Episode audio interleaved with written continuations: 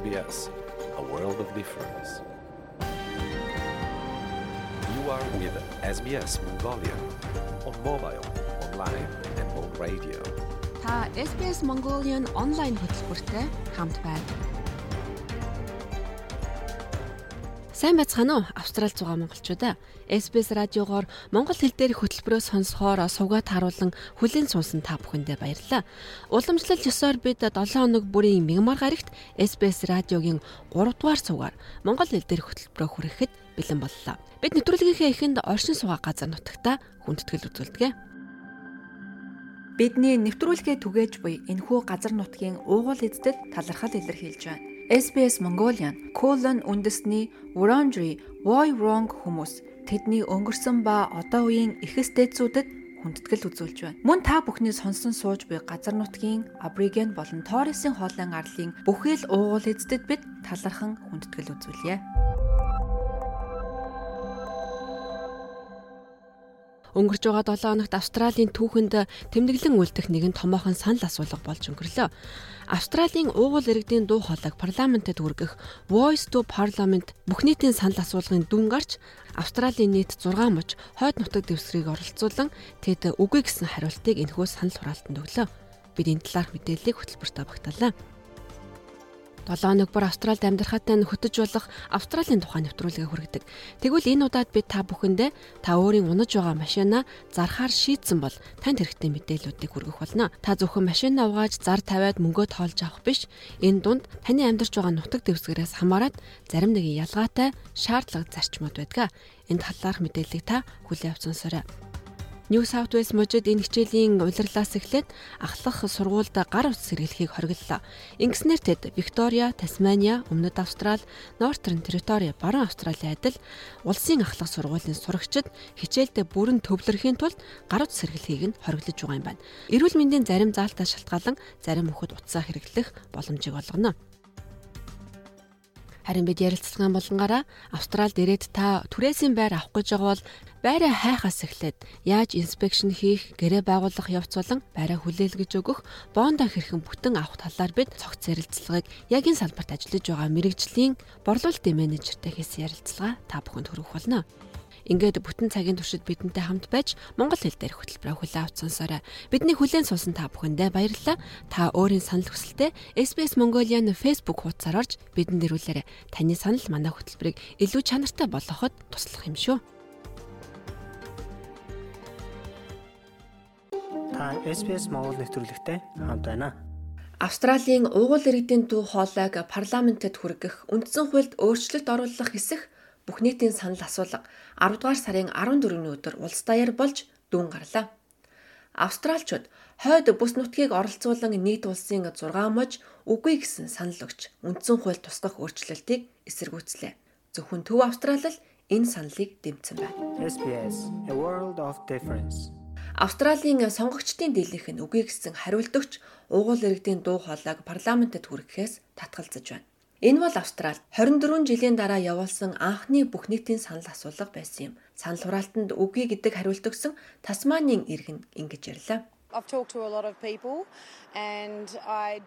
Би маш олон хүнтэй ярилцсан. Энэ нь тиймд чухал зүйл байх ёсгүй гэж би бодож байна. Тэднийг нэгдмэл бүлэг болж чадахгүй байгаа нь үнэхээр харамсалтай.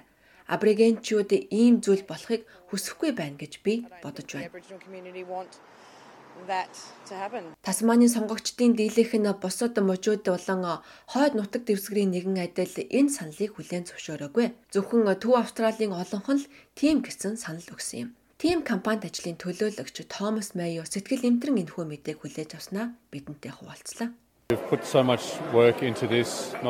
Бид үүний төлөө маш их ажилласан. Зөвхөн сүүлийн хэдэн сарч биш. Зөвхөн энэ өрөөнд байгаа хүмүүс биш улс даяар 70 мянган сайн дурын ажилтан үүний төлөө ажилласан. Уугуул үндэсний тэргүүнүүд Австралийн ард түмэнд итгэлээ тавьж байлаа. Олон 10 жилийн шаргуу хөдөлмөр эрхээ хамгаалсан тэдэнд өнөө орой том цохилт ирсэн.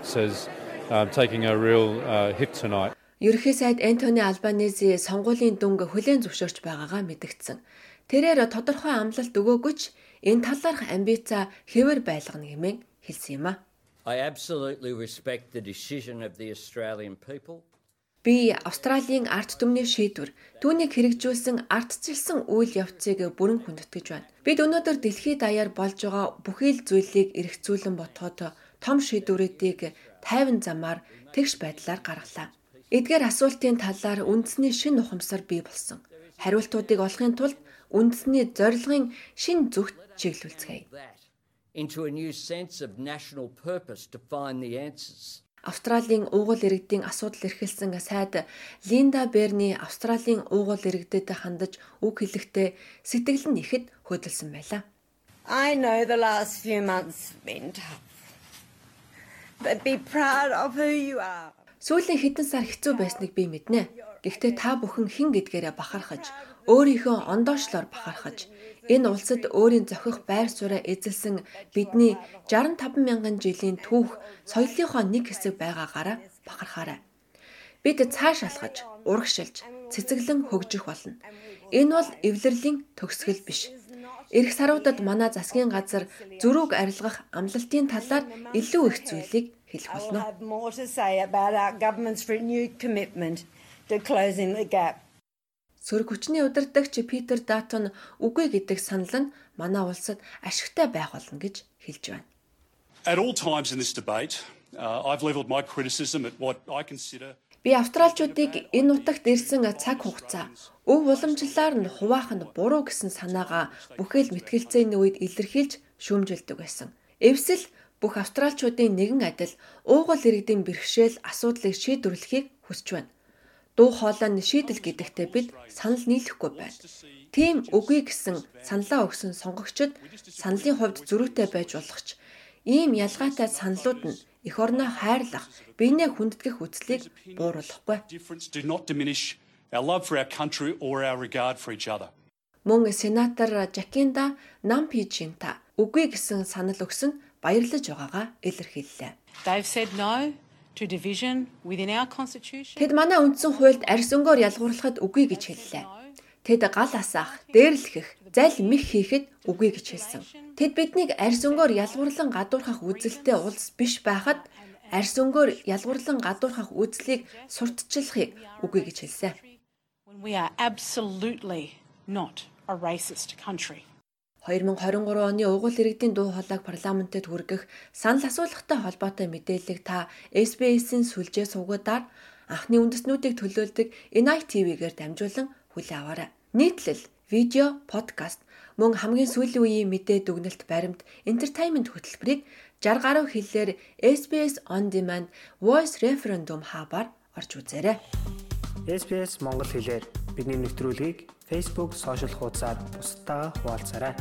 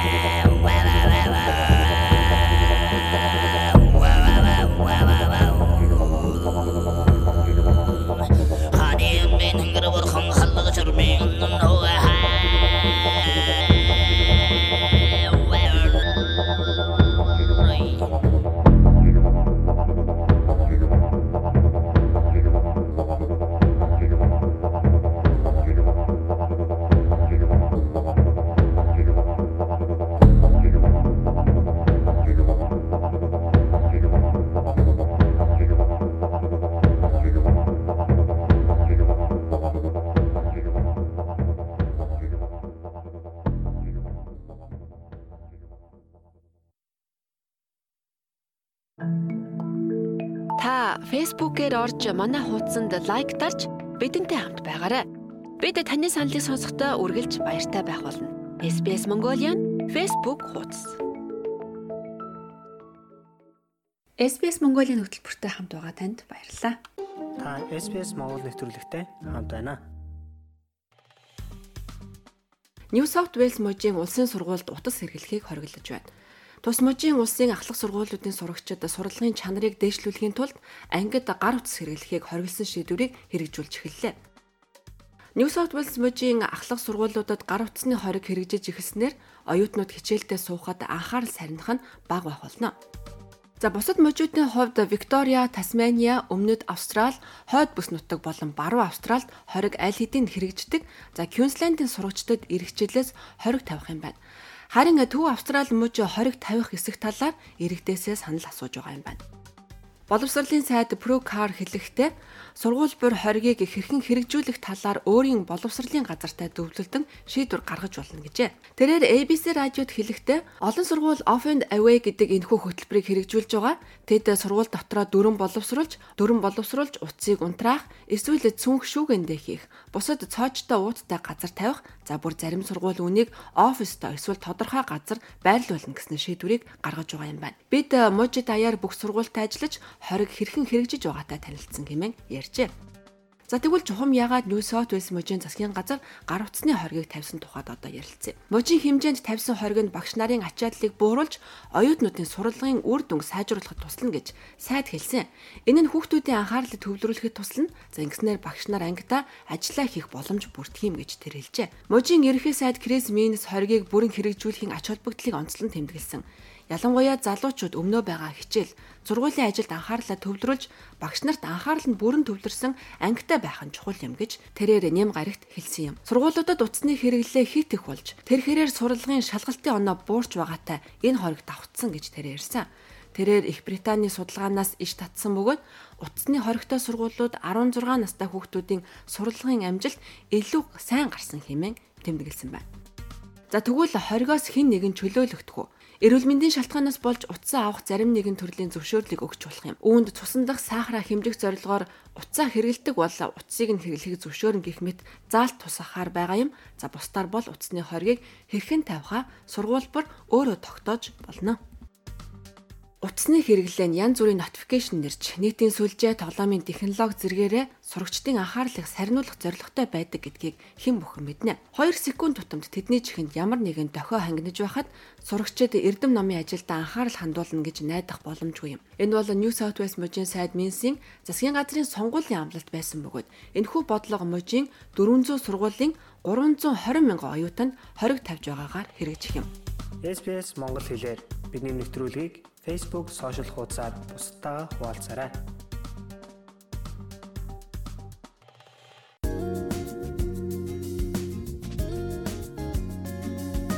Play дарж долгионо тааруул. 60 өөр хэл дээрх мэдээ сэтгэлд нийцэм хөгжим сонсохгүй байхын аргагүй хэрэгтэй подкастууд таныг хүлээж байна. SBS аудио апыг татаж ав. Эсвэл sbs.com.au/audio зочлоорой.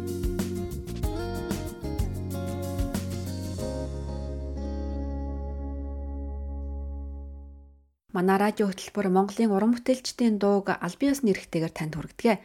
Ингээд нэгэн уран бүтээлийг танд зориулъя.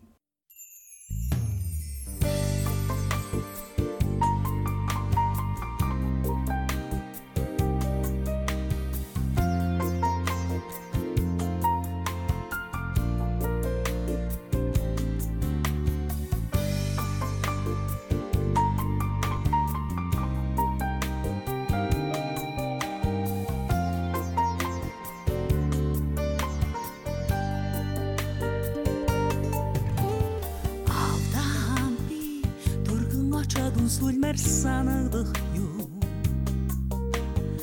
Амин нөмөр барагитан санадултан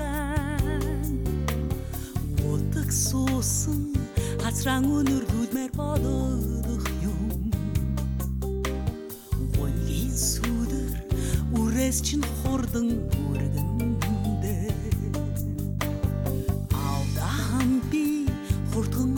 үнсүүлмээр санагдах юм. Ажлахын үнэн үгийхтэн үгийлэдэл байна Бодолт бүдэрсэн тухайн өгөөд өнөрлүүлмээр байна Бүтгэр зовлон бүрээс чин түргэн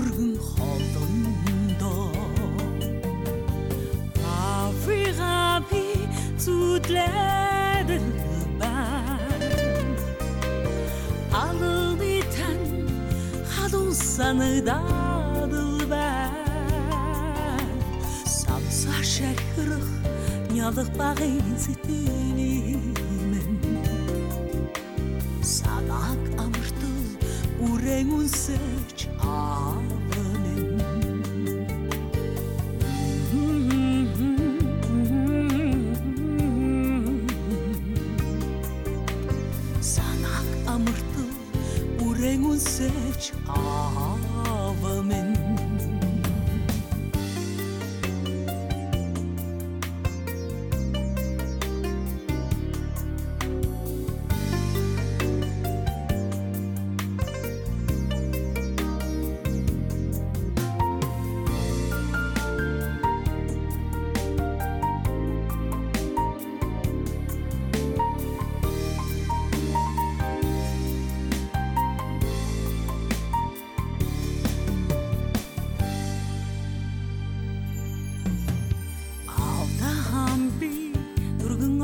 очоод үнсүүлмээр санагдах юм Хаштын жаргалд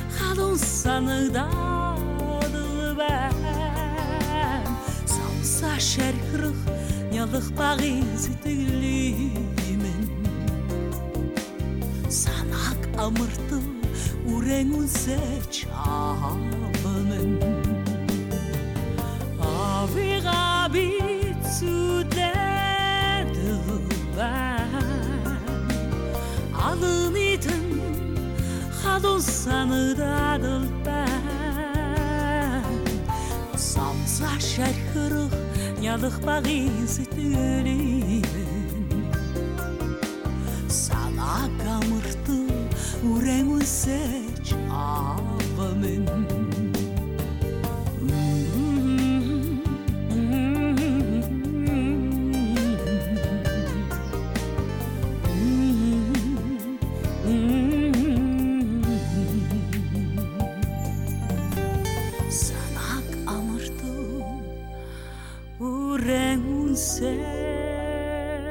church of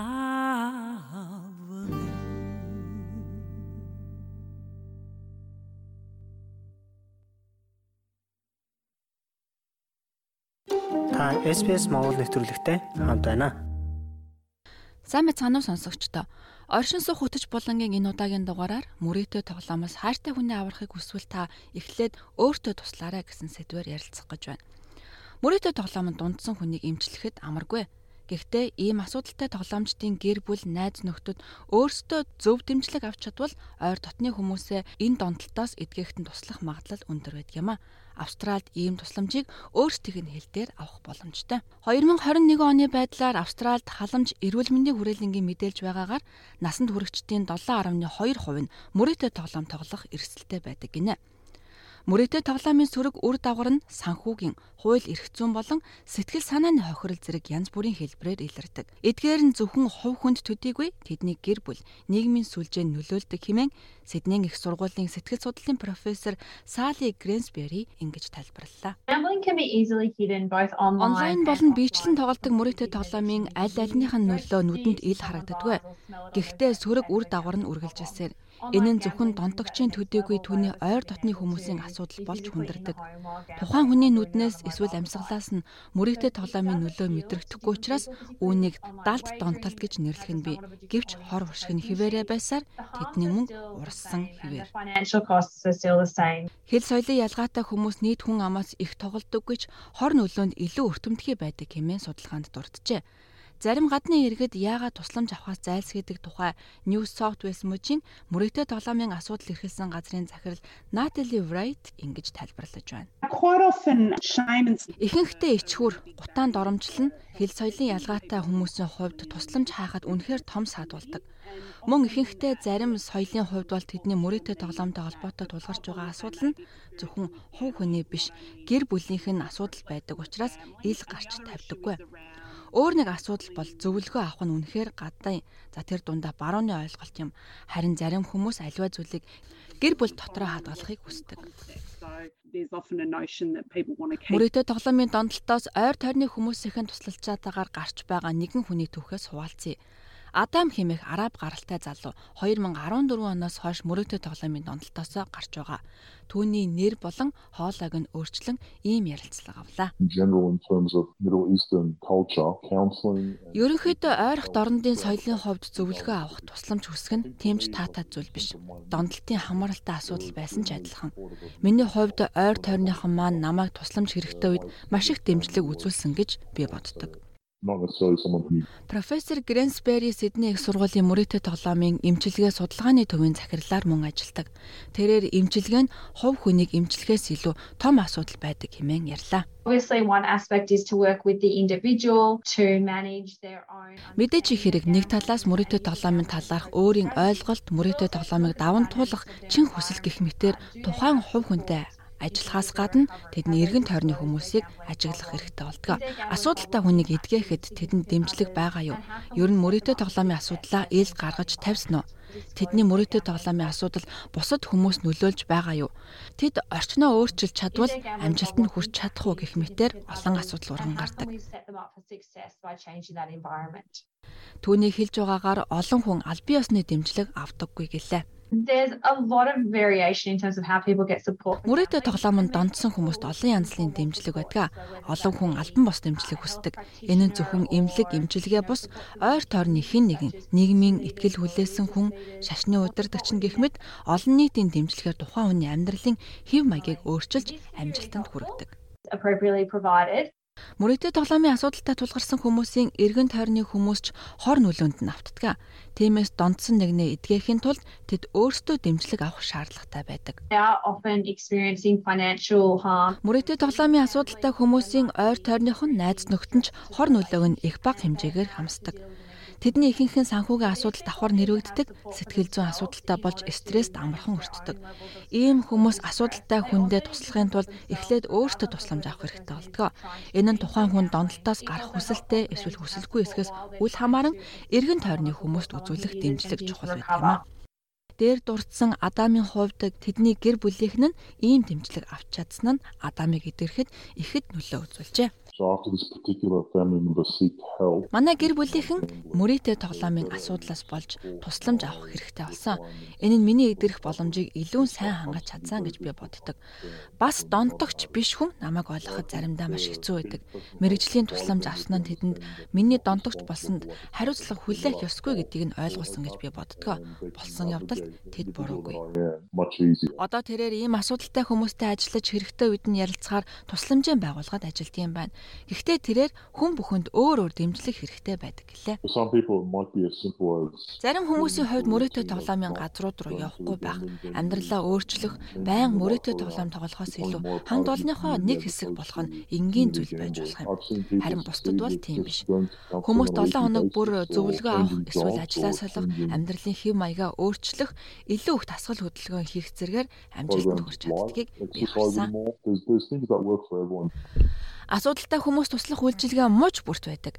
Тэнд бичлэн очиж болохоос гадна утсаар болон онлайнаар үйлчилгээ авч болтгоо. New South Wales мужийн засгийн газраас хэрэгжүүлдэг бидний амжилтанд хүргэсэн тоонууд кампани ажил нь мөрөөдөө тоглоомтой холбоотой асуудалтай тусламж авах аргаа олохгүй байгаа хүмүүст туслах зорилготой байдаг.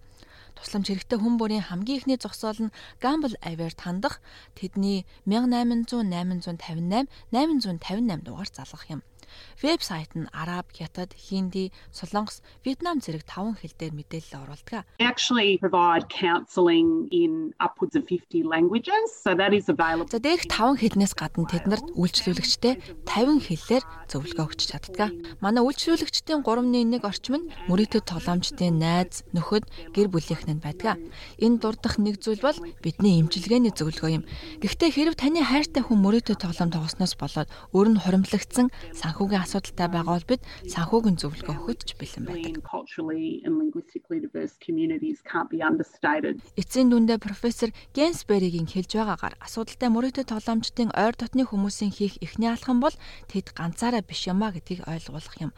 Бас өөрсдөө дэмжлэг авах нь чухал гэдгийг ойлгох хэрэгтэй байдаг those that we support about a third of our Бусдад туслахын тулд хүчил төрөгчийн маскыг эхлээд өөртөө зөв гэсэн зааварчилгааг онгоцны ослын үед зорчигчдод өгдөг. Яг үүнтэй ижил та эхлээд мэрэгжлийн байгууллагаас дэмжлэг авч дараа нь хайртай хүнээ тонолтоос амрах Нэвтрүүлэг дурсан мөрөөдөө тоглоомын асуудалтай хүмүүс тусалдаг байгууллагуудын цахим хаяг болон утасны дугаарыг тайлбар хэсэгт орууллаа. Өнөөдрийн дугаар инх өндөрлөж байна. Баяртай. SBS A World of Difference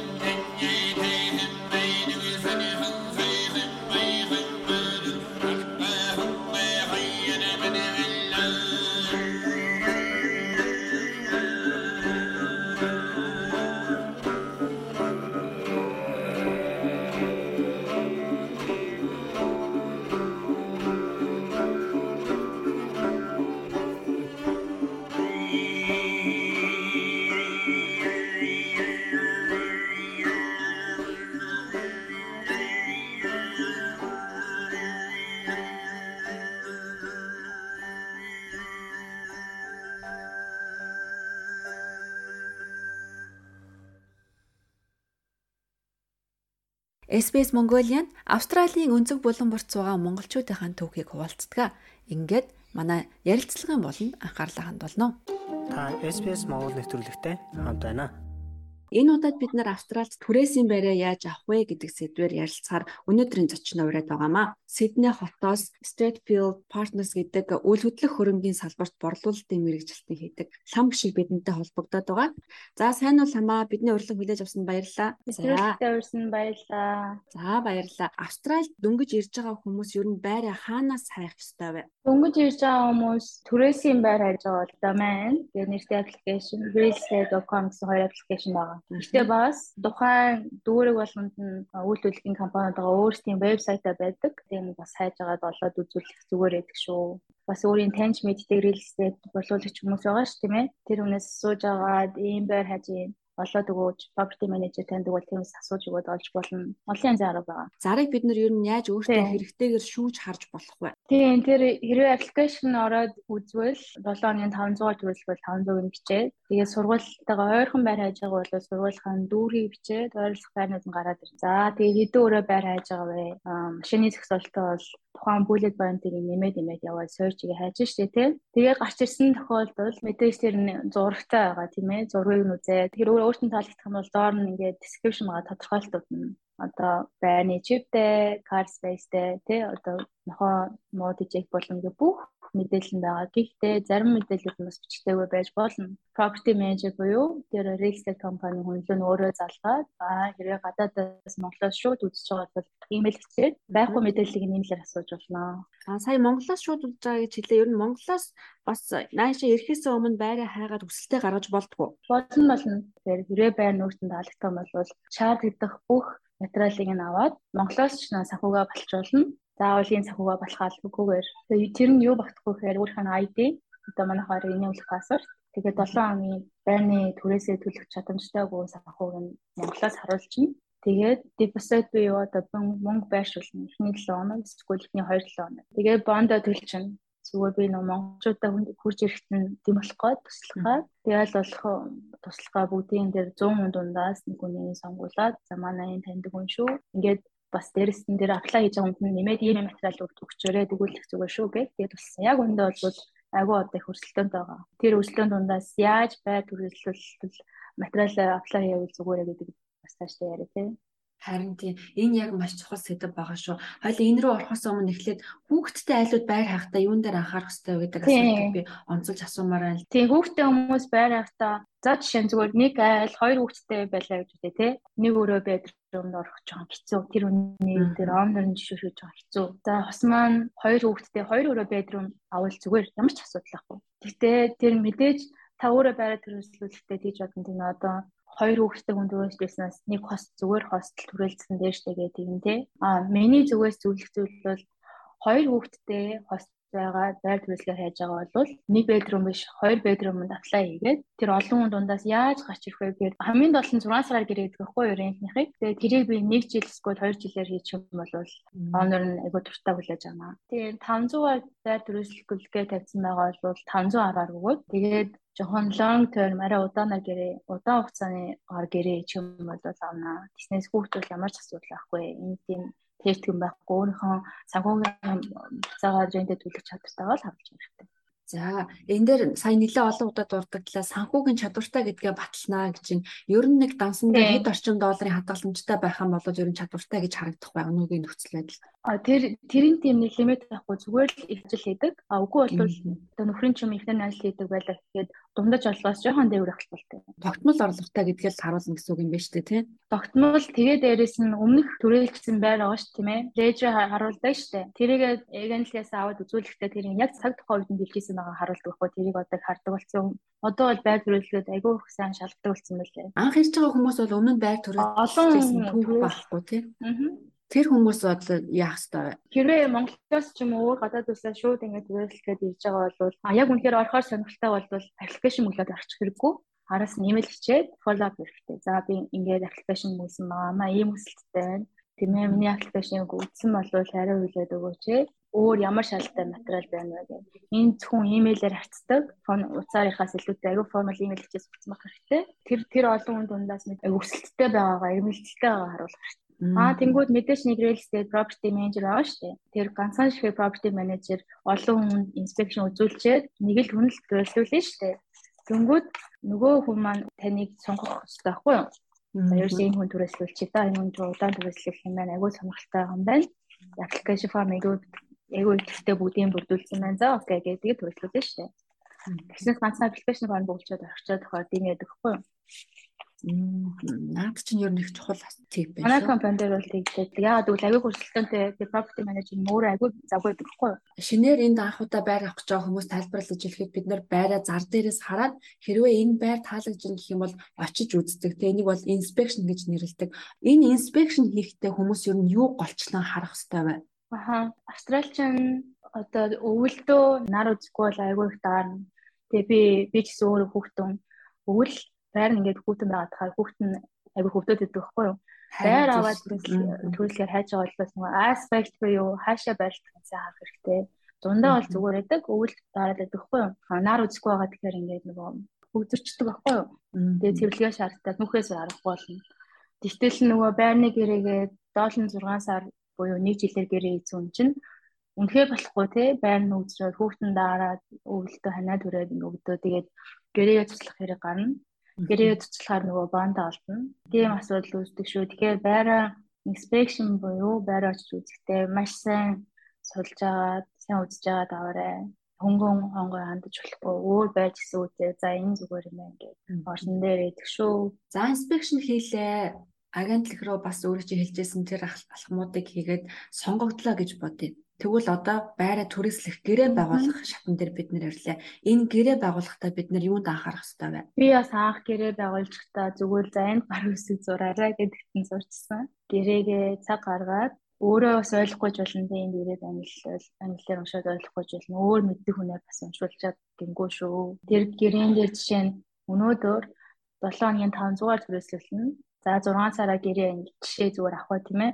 Тэгтэл 6 сараас хойш байрны чи өмнө 20 30 40 доллар өгсөн шүү гэдэг дээр тейк хийгдсэн те зөвлөсөн. Байх чинь ядахгүй. Үгүй бол 6 сараар гэрээ. За нэг жилээр гэрээ хийжээ тэрнээс хойш сунгахгүй гэсэн тэр залтыг ч юм уу уншихгүйгээр бас гэрээ чинь тэрийг ингээд гэрээ хийхдээ тэрийг уншаад ойлгоцсон бол мэдээж тийм property manager-тайгаа гэрээ жоо хүнтэйгээ ярилцаад энийг өнөө өсөхгүй байж болох уу? За 500 530 биш үү? Ядаж өнөө өсөхдөө 510-аар ингээд байж болох уу гэ негошиэт хийж бол 500 сая 500 жишээ 500-аар түрээслэх гээд зар дээрээ зар дээрээ сарчаа аппликейшн форм бүүлж байгаа тийм ээ. Одоо би 6 сар 1 жилээр гэрээ гэж байна. Эсвэл 1.2 2 жилээр гэрээ яа. Энэ 500-га 480 490 470 гэж жоон бууруулж болох уу?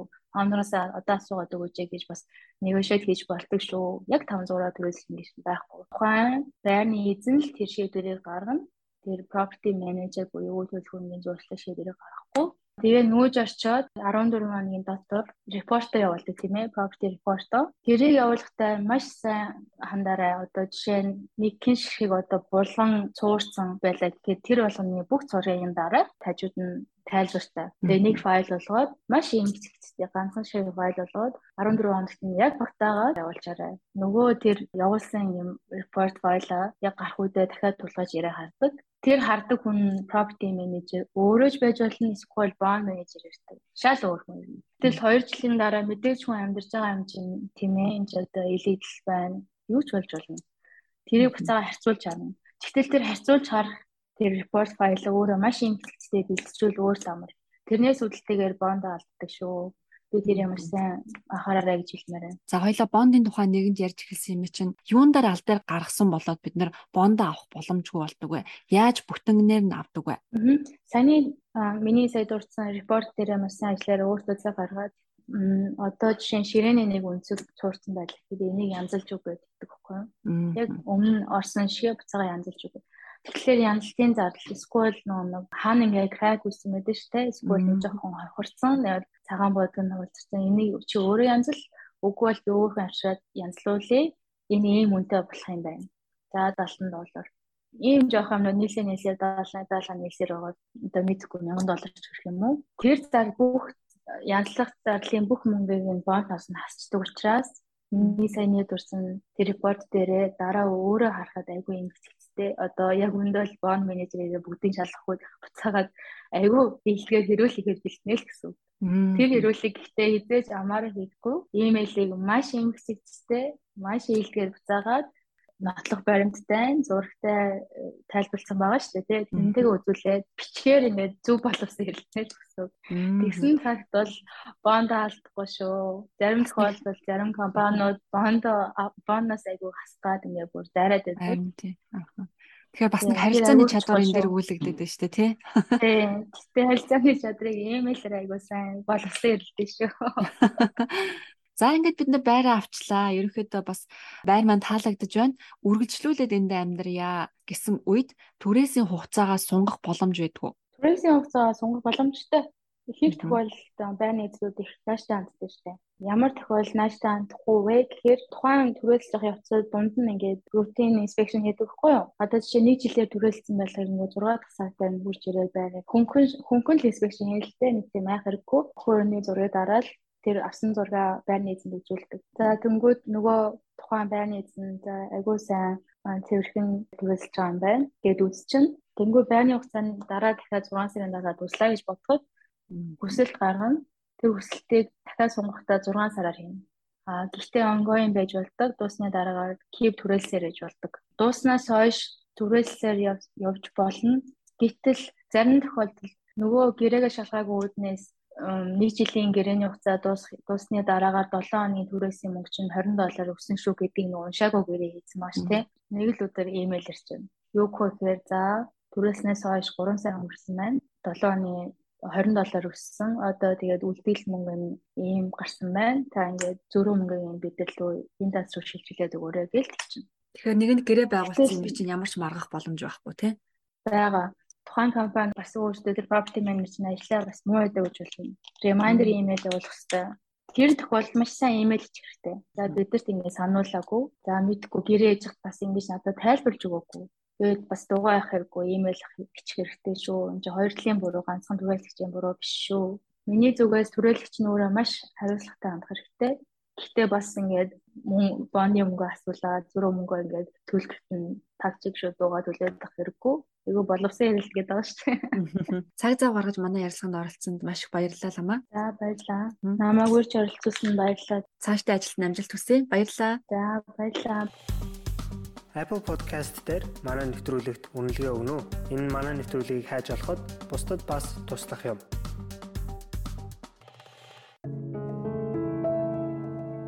SBS аудио аппликейшнийг татаж дуртай хөтөлбөрөөр сонсоорой. Та App Store эсвэл Google Play-с үнэгүй татаж авах боломжтой. Та SBS Монгол нэвтрүүлэгтэй хамт байна. Сайн байцгаана уу? Австралийн тухайн нэвтрүүлгийн шинэ дугаараар бид Австральд өөрийн унаж байсан машинаа хэрхэн зарах тухай мэдээллийг хүргэх гэж байна. Хуучин машинаа зарахад сайн угааж бичиг баримтыг нь бэлдэж өгөөд мөнгө авахаас гадна таны хийх ёстой зарим зүйлс бий. Та Австралийн хаана амьдарч байгаагаас шалтгаалаад хувийн автомашин зарахад тавигдах шаардлага өөр өөр байдаг. Машина бэлтгэс эхлээд эзэнд нь хүлээлгэж өгөх хүртэлх бүхий л үйл явцад шаардлагатай алхмууд санал болгох зүйлэмжүүд байна. Эдгээрийг ойлгож, өмчлөх эрхийг хууль ёсны дагуу шилжүүлэхэд тань энэ удаагийн Австралийн тухайн нэвтрүүлгийг зориулж байна. SBS A World of Difference. Улсын хэмжээнд хуучин тээврийн хэрэгслийн борлуулалтын мэдээллийг цуглуулдаг байгууллага байхгүй. Гэхдээ Австральд хуучин автомашины зах зээл шин тээврийн хэрэгслийн зах зээлээс бараг 3 дахин том байна гэсэн тооцоо бий. Тэгэхээр танд автомашинаа борлуулж болох том зах зээл байна гэсэн үг. Гэхдээ машинаа зарахад юунд анхаарах ёстой вэ? Шинэ өмнөд Уэльс мужийн худалдааны зохицуултын албаны захирал Кэти Таунсенд Австральд автомашин зарах арга замуудын талаарх ойлголтыг өглөө.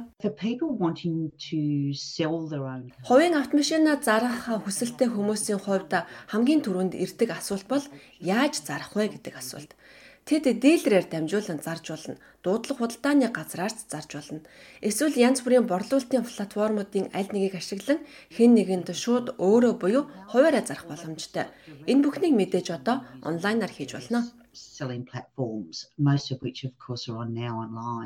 Дийлрээр эсвэл дуудлага худалдааны газраар машинаа зарах нь олон асуудлыг нэг дор шийдэх хамгийн нийтлэг бөгөөд сонгодог арга гэж тооцогддог. Гэхдээ та энд машинаа тулсан хамгийн сайн үнд хүргэх боломжийг олгохгүй. Автомашины дийлрээр дамжуулан зарахтай холбоотой зардлыг бодож үзэх нь чухал. Учир нь тэд таны машиныг зарахтаа өөрөөр хэлбэл та дуудлага худалдааны газрыг сонгвол зарах үнийн дүнгийн 10-аас 15 орчим хувьтай тэнцэх хэмжээний шимтгэлийг төлнө гэж тэрээр ярьсан юм а. Харин өөрөө хуваараа зарах бол машиныхаа бүртгэлийн бичиг баримтыг сайтар бэлдэх хэрэгтэй. Ямар ч худалдаа авагч тээврийн хэрэгслийн бүртгэлийн бичиг баримтыг ном журмын дагуу байгаа эсгээ шалгахыг хүснэ. Тэрч байтугай таныг жинхэнэ эзэмшигч мөн эсхийг баталгаажуулахыг хүсч таны үнэмлэхийг үзэж болох уу гэж асууж болно. Тэд мөн тээврийн хэрэгслийн дэлгэрэнгүй мэдээллийг шалгахыг хүсэх болно. Тиймээс тэд бүртгэлийн хуудсан дээр байдаг VIN эсвэл за явах эд ангиудын дугаар зэрэг мэдээлэл авахыг хүсч болох юм. Энэ нь үндсэндээ хувийн эмчийн бүртгэлээр машиныг илүү сайн шалгах зорилготой юм. Хуваараа машин зарж байгаа бол машинаа сурталчлахдаа тээврийн хэрэгслийн байдал, илэгдлийн талаар үнэн зөвөөр нь хэлдэг байх нь чухал юм. Car Sales онлайн платформын хэрэглэгчийн маркетингийн менежер Кара Фела бидэнтэй ярилцсан юм а. It's all around transparency so being Бүх зүйл ил тод байхан дээр. Тиймээс автомашины түүх болон худалдан авагчдад мэдгэхийг хүсч болох аливаа дутагдлын талаар өөрийн зартаа ил тод нээлттэй хэлэх нь зүйтэй. Энэ нь боломжит худалдан авагчтай биелжлэн уулзлаад үнэхээр туслах болно. Бас худалдан авах хүнтэй уулзах өдөр ямар нэгэн эвгүй гинтийн зүйлээс зайлсхийд хийхэд тань туслана. Худалдаж авахар сонирхож байгаа асуултанд цаг тухай бүртэнд хариулт өгөх нь танд болон цаад хүндэж харилцааг хэлбэр болгож хурдан бөгөөд амжилттай зарах магадлалыг нэмнэ. Хадагта файлаа хэлэхдээ за машиныхаа үнийг тогтоохоос өмнө судалгаа хийх нь чухал. Учир нь үнэн нь ирээдүйн худалдан авагчийн сонирхлыг татах төвчнгөөс ихээхэн хамаардаг гэлээ. We know that buyers are very switched on. Худалдан авагчид машин авахдаа өөрсдөө бас судалгаа хийж байгаа. Тиймээс та үнэхээр машинаа зармаар байгаа бол зах зээл дээрх бодит үнд нийцүүлэн машинаа үнэлээрэй. Дараагийн зөвлөгөө бол хилэлцээрийн тухай юм. Худалдан авагчид таалагдж үнийг тохиролцох боломжтой байлгаарай. Хэрвээ та хилэлцээр хийх боломжийг олгож баг зэрэг буулгах орон зайг өгвөл их зүгээр. in your listing price to allow for negotiations. Alex Forrest бол баруун Австралийн Royal Automobile Club-ийн тээврийн хэрэгсэл түлш хариуцсан менежер. Тэрээр зархаас өмнө машинд механик засвар хийх нь үнийн санал болон боломжит худалдан авагчтай тохиролцоход нөлөөлж болно гэлээ. Often that you see that in advertisements as well. So you know, Та автомашин зарна гэсэн сурталчилгааг хардаг баха. Машинд засвар үйлчилгээ хийсэн шин дугуйтай гих мэтэр бичих нь сонирхож байгаа худалдан авагчид илүү сайн хүрдэг.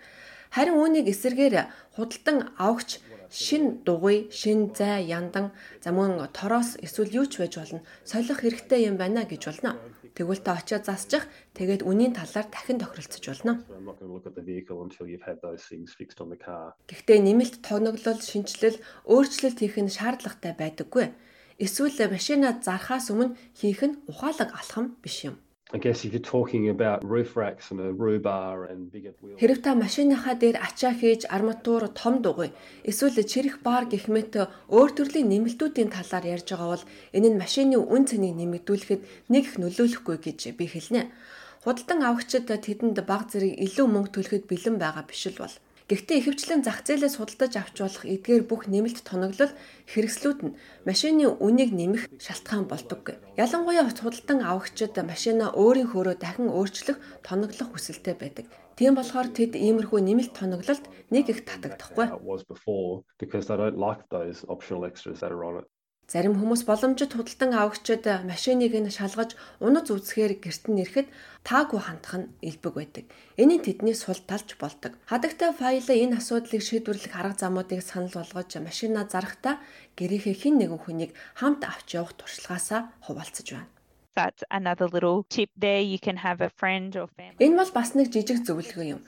Та найз эсвэл гэр бүлийн гишүүнтэйгээ хамт байж болно. Машинаа үзүүлэхдээ олон нийтийн газар, за магадгүй худалдааны төвийн машины зогсоол, эргэн тойронд хүмүүс байдаг газар уулзах боломжтой.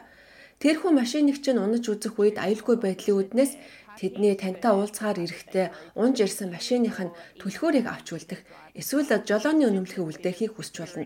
Та бас өөрөө зарчигчийн суудалд суугаад хамт явж болно. Go in the test drive with them and sit in the passenger seat. Танаа мууч нутаг дэвсгэрээс хамааран тээврийн хэрэгслээ зархаасаа өмнө стандартын шаардлага хангасан эсгээ шалгах шаардлагатай болж болно. Ноён Forest ингэж тайлбарллаа in Victoria whenever a vehicle is bought and sold it needs to Виктория мужид тээврийн хэрэгсэл худалдаж авах худалдах бүрт сүүлийн үеийн жолоодлогын гэрчлэгээтэй хамт ирдэг. Баруун Австралид үнийг шаарддаггүй. Тиймээс Австралийн өөр мужуудад хуулиар тогтоосон тээврийн хэрэгслийн шалгалтанд ихээхэн ялгаатай байдаг. Тээврийн хэрэгслийн механик байдлын шалгалтууд нь заавал байх албагүй боловч хуучин автомашин худалдаж авах гэж байгаа хүмүүст маш их зөвлөдгөө. Та машина зарсны дараа шийдвэрлэх гурван чухал ажил байна.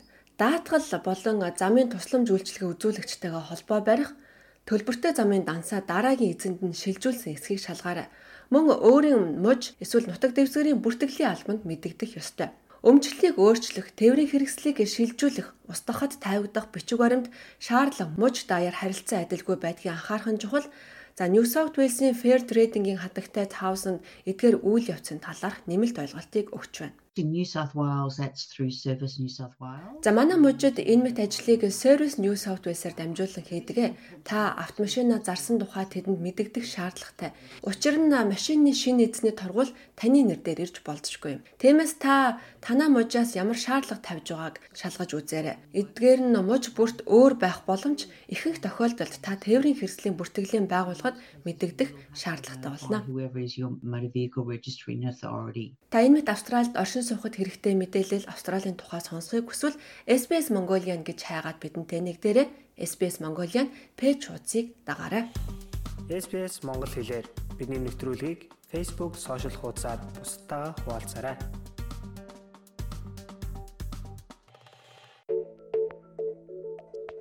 Манай нэвтрүүлгийг та гар утсаараа үнгүй сонсож болно. sbs.com.au/mongolian эсвэл SBS аудио апыг яг одоо татаж аваарай. Энэ 7 хоногийн SBS радиогоор явах монгол хэл дээрх хөтөлбөрийн маань ээлжид дугаар инхүү өндөрлөж байна. Та эх 7 хоногийн мегмар гарагт 2 цагаас 3 цагийн хооронд монгол хэл дээрх хөтөлбөрөө хүлээн авч сонсож монголчуудын түүх туршлага, Австралийн тухай болон цаг үеийн мэдээ мэдээллийг хүлээн авч сонсороо. Эх 7 хоногт уулзтлаа. Түр баяртай. Bye.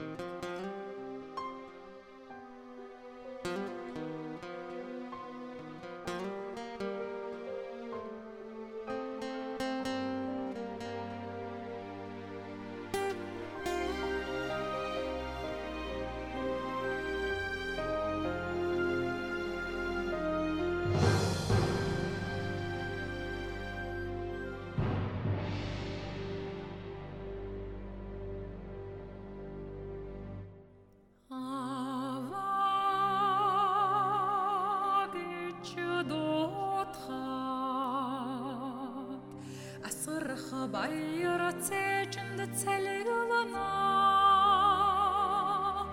Ama gücü